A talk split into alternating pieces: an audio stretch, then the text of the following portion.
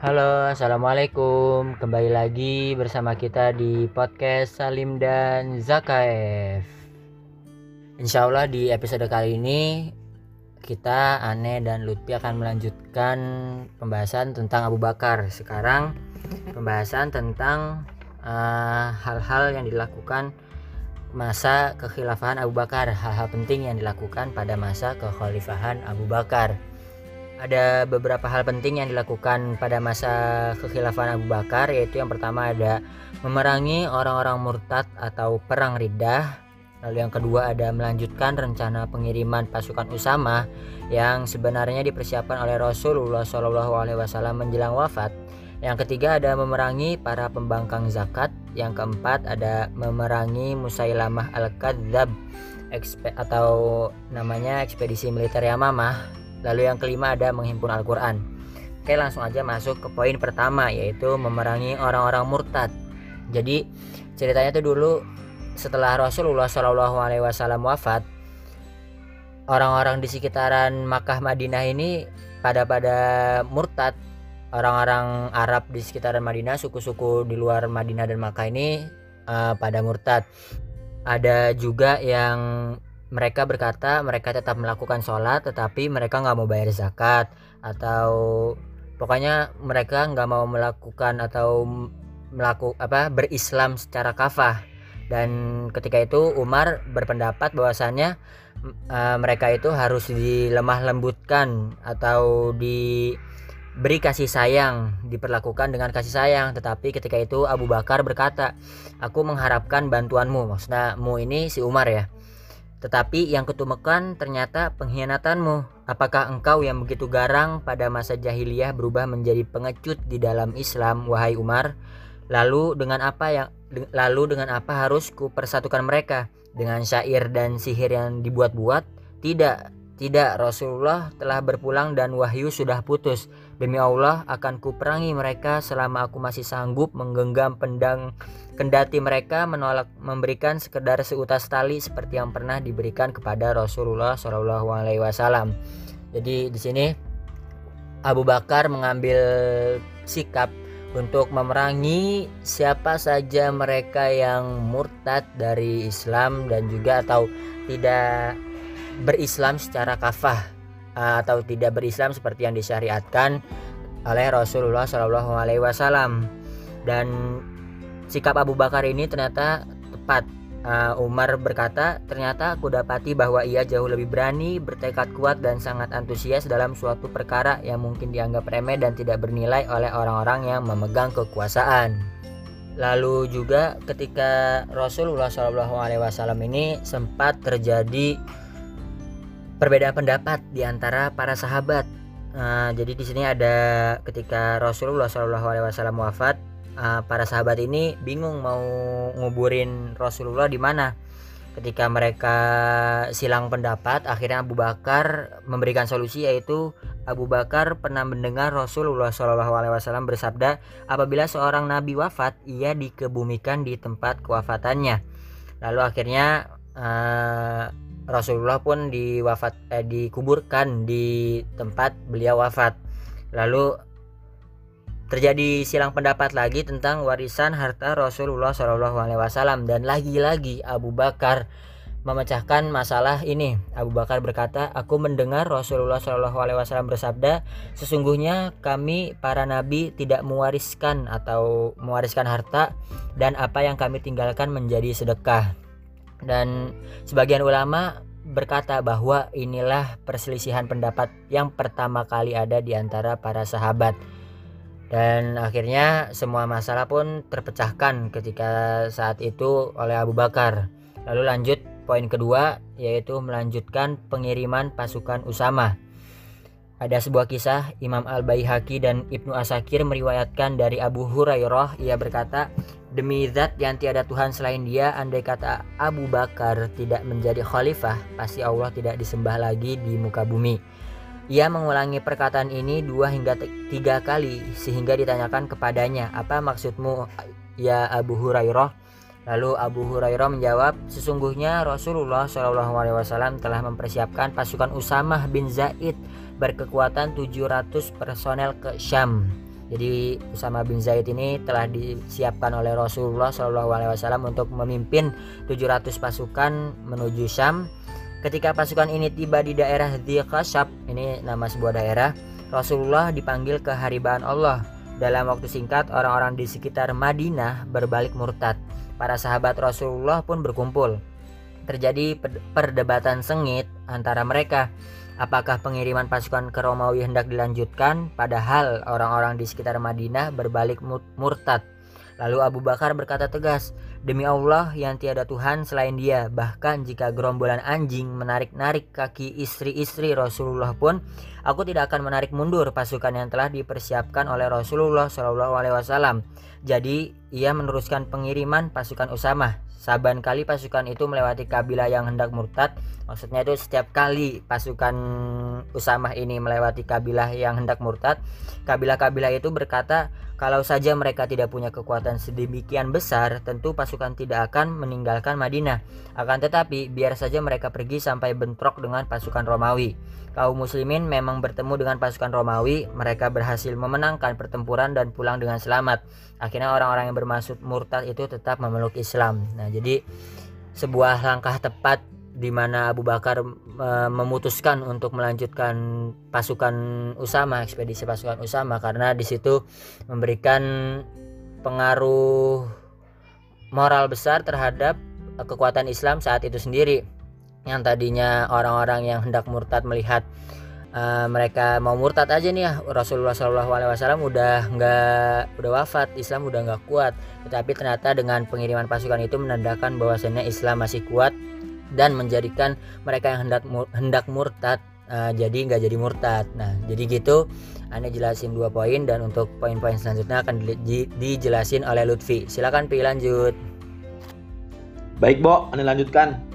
Poin nomor tiga kebijakan Abu Bakar As-Siddiq yaitu memerangi para pembangkang zakat. Imam Az-Zahabi, salah seorang ulama sejarah, berkata, tatkala kabar wafatnya Rasulullah Shallallahu Alaihi Wasallam menyebar ke seluruh wilayah Jazirah Arab, banyak golongan Arab yang murtad dari Islam dan mogok berzakat. Abu Bakar bersikap tegas dengan memerangi mereka, kendati Umar dan yang lain menyarankan agar tidak memerangi mereka. Abu Bakar berkata, "Demi Allah, seandainya mereka menolak untuk membayar zakat kendati hanya berupa seutas tali seperti yang pernah mereka serahkan kepada Rasulullah Shallallahu alaihi wasallam, akan tetap kuperangi mereka karena pembangkangan itu." Umar berkata, Bagaimana mungkin engkau memerangi manusia? Umar berkata kepada Abu Bakar. Sedangkan Rasulullah Shallallahu Alaihi Wasallam bersabda, Aku diperintahkan untuk memerangi manusia sampai mereka mengucapkan, Aku bersaksi bahwa tiada Tuhan selain Allah dan Muhammad adalah Rasulullah. Dengan begitu, siapa pun yang mengucapkan kesaksian itu terjaga harta dan darahnya, kecuali dengan haknya, adapun perhitungannya terserah Allah. Abu Bakar membalas apa yang dikatakan Umar, Demi Allah, benar-benar akan kuperangi siapa saja yang memisahkan sholat dengan zakat. Sesungguhnya zakat adalah hak harta dan Rasulullah Shallallahu Alaihi Wasallam telah bersabda, kecuali dengan haknya. Umar mengisahkan, demi Allah, kulihat Allah telah membukakan dada Abu Bakar untuk berperang. Dengan begitu, tahulah aku bahwa apa yang dikatakannya adalah benar. Salah seorang tabi'in yang bernama Urwah bin Zubair berkisah, Abu Bakar menyertai kaum muhajirin dan ansor untuk memerangi orang-orang yang murtad dan enggan membayar zakat sampai di Najd. Najd itu di Jazirah Arab bagian timur. Sementara orang-orang Badui melarikan diri bersama keluarga dan kerabat mereka. Orang-orang berkata kepada Abu Bakar, "Pulanglah ke Madinah untuk mengurus perempuan dan keluarga, dan pilihlah seseorang untuk memimpin pasukan. Mereka terus mendesak hingga akhirnya Abu Bakar pulang setelah memerintahkan Khalid bin Walid untuk memimpin pasukan sampai mereka menyerah dan bersedia membayar zakat. Baru setelah itu, kalau ada di antara mereka yang hendak pulang, dipersilahkan pulang. Setelah itu, Abu Bakar kembali ke Madinah. Salah seorang sahabat yang bernama Abdullah bin Umar berkisah, tatkala Abu Bakar muncul dan duduk di pelana kudanya, Ali bin Abi Thalib segera mengambil alih tali kekang kuda Abu Bakar As-Siddiq seraya berkata, Hendak ke manakah engkau, wahai khalifah Rasulullah? Akan kukatakan kepadamu sebagaimana pernah Rasulullah Shallallahu Alaihi Wasallam katakan kepadamu pada perang Uhud, sarungkanlah pedangmu dan jangan kau biarkan kami berduka akibat kehilangan dirimu. Pulanglah ke Madinah. Demi Allah, jika kami kehilangan dirimu, tidak akan ada lagi aturan dalam Islam selama-lamanya. Kemudian, Abu Bakar memerintahkan Khalid untuk memerangi manusia atas dasar lima perkara. Barang siapa meninggalkan salah satu dari kelimanya harus diperangi, karena ia seperti meninggalkan empat lainnya mereka harus diperangi kalau tidak mengucapkan dua kalimat syahadat, meninggalkan sholat, tidak membayar zakat, meninggalkan puasa, dan tidak mau berhaji. Khalid bin Walid dan pasukannya berangkat pada bulan Jumadil akhir tahun 11 Hijriah. Ia memerangi Bani Asad dan Bani Ghatafan. Ada yang terbunuh, ada yang ditawan, dan sisanya kembali ke pangkuan Islam. Dalam insiden ini, dua orang sahabat utama yang bernama Ukasyah bin Mishan dan Thabit bin Arqam menemui syahidnya. Pada bulan Ramadan tahun ini, Fatimah binti Rasulullah Shallallahu Alaihi Wasallam wafat dalam usia 24 tahun. Imam Az-Zahabi berkata bahwa Rasulullah Shallallahu Alaihi Wasallam memiliki silsilah keturunan hanya dari Fatimah, sebab dari Zainab tidak ada keturunan. Adapun Ummu Aiman meninggal sebulan sebelum Fatimah dan pada bulan Syawal Abdullah bin Abu Bakar yang sempat terluka pada saat perang Taif tahun 9 Hijriah meninggal dunia pula. Kemudian kebijakan Abu Bakar yang keempat yaitu memerangi Musailamah al-Kadzab. Setelah memerangi para pembangkang zakat, Khalid bin Walid melanjutkan ekspedisi militernya ke Yamamah untuk memerangi Musailamah Al-Kadzab pada akhir tahun ini. Musailamah adalah nabi palsu ya. Pasukan kedua belah pihak akhirnya berhadapan. Musailamah dan para pendukungnya dikepung selama beberapa hari dan akhirnya Musailamah tewas terbunuh. Pembunuhnya adalah Wahsy yang tidak lain adalah pembunuh Hamzah pada saat perang Uhud yang kemudian masuk Islam. Dalam perang ini korban dari pihak para sahabat Rasulullah Shallallahu Alaihi Wasallam sangatlah banyak. Ada Abu Hudzaifah bin Utbah, Suja' bin Wahab, Salim, Zaid bin Khattab, Malik bin Amr, Sabit bin Qais, Abu Dujanah dan masih banyak lainnya dengan jumlah total berjumlah 70 orang. Saat terbunuh, Musailamah berusia 150 tahun ia lahir sebelum lahirnya Abdullah yaitu ayahanda dari Rasulullah Shallallahu Alaihi Wasallam. Kemudian pada tahun 12 Hijriah, Abu Bakar mengirim pasukan Al-A'la bin Hadrami ke Bahrain karena orang-orang di sana juga telah murtad. Setelah perjuangan panjang, kemenangan akhirnya berpihak ke kubu muslimin. Abu Bakar juga mengirim sejumlah pasukan untuk mengatasi golongan-golongan yang murtad di berbagai wilayah di antaranya Ikrimah bin Abu Jahal diutus ke Oman, Muhajir bin Umayyah diutus ke Najir, dan Ziyad bin Labid diutus ke Hadramaut. Pada tahun itu, tercatat ada beberapa sahabat yang meninggal dunia. Di antaranya Abul As bin Robi, suami Zainab putri Rasulullah, Sa'ab bin Jathama, dan Abu Marsad al-Ghunawi.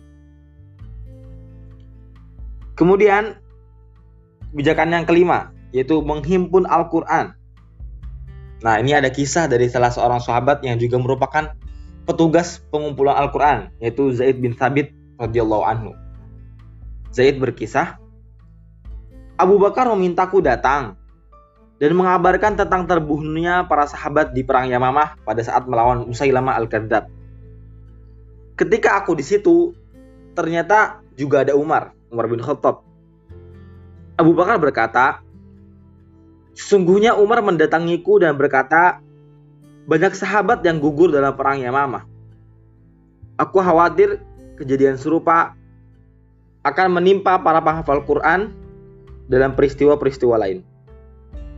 Akibatnya, akan hilanglah sebagian besar dari Al-Quran, kecuali jika mereka mengumpulkannya. Menurut pendapatku, kata Umar, alangkah baiknya kalau Al-Quran dikumpulkan. Abu Bakar berkata, Bagaimana mungkin aku akan melakukan sesuatu yang tidak pernah dilakukan oleh Rasulullah SAW? Umar menegaskan, demi Allah, ini adalah perbuatan yang baik. Berulang-ulang Umar menyebutkan alasan-alasan positif tentang penghimpunan Al-Quran, sehingga Allah membukakan hati Abu Bakar untuk menerima pendapat Umar. Dan kemudian, aku, kata Zaid bin Thabit, sependapat dengan Umar. Umar kemudian duduk di tempat tersebut diam seribu bahasa. Lalu Abu Bakar melanjutkan, bilang kepadaku, bilang kepada Zaid maksudnya, sesungguhnya engkau adalah anak muda cerdas yang kami percayai sepenuhnya. Engkau adalah penulis wahyu bagi Rasulullah Shallallahu Alaihi Wasallam. Jadi, carilah ayat-ayat Al-Quran itu dan dikumpulkanlah. Jadi ayat-ayat Al-Quran itu tersebar di berbagai tempat gitu, tidak terkumpul dalam satu mushaf atau satu buku gitu. Jadi Zaid diperintahkan oleh Abu Bakar untuk mencarinya di Antara Madinah. Zaid lanjut berkisah, sungguh demi Allah, andai kata ia membebaniku untuk memindahkan sebuah gunung, itu jauh lebih ringan daripada perintahnya untuk menghimpun Al-Quran. Karena itu, kukatakan kepada Abu Bakar dan Umar, Mengapa kalian akan melakukan sesuatu yang tidak pernah dilakukan oleh Rasulullah Shallallahu Alaihi Wasallam? Abu Bakar menjawab, demi Allah, ini adalah perbuatan yang baik. Aku mengulangi penolakanku. Tidak.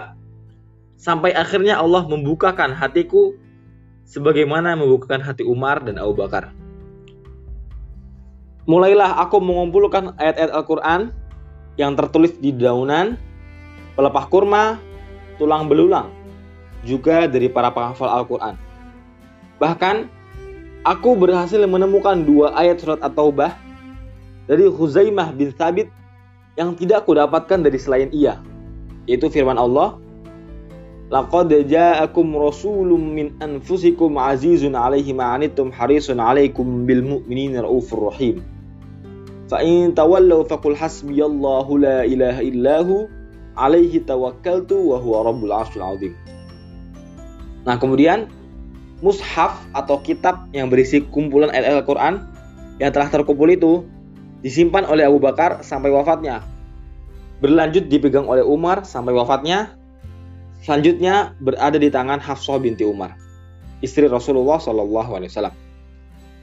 Ali bin Abi Thalib pernah berkata, orang yang paling besar pahalanya dalam perkara Al-Quran adalah Abu Bakar. Sebab Abu Bakar adalah orang yang pertama kali menghimpun Al-Quran. Nah, itulah lima kebijakan terpenting dalam periode kekhalifahan Abu Bakar As-Siddiq radhiyallahu anhu. Kurang lebih mohon maaf. Barakallahu fikum. Wassalamualaikum warahmatullahi wabarakatuh.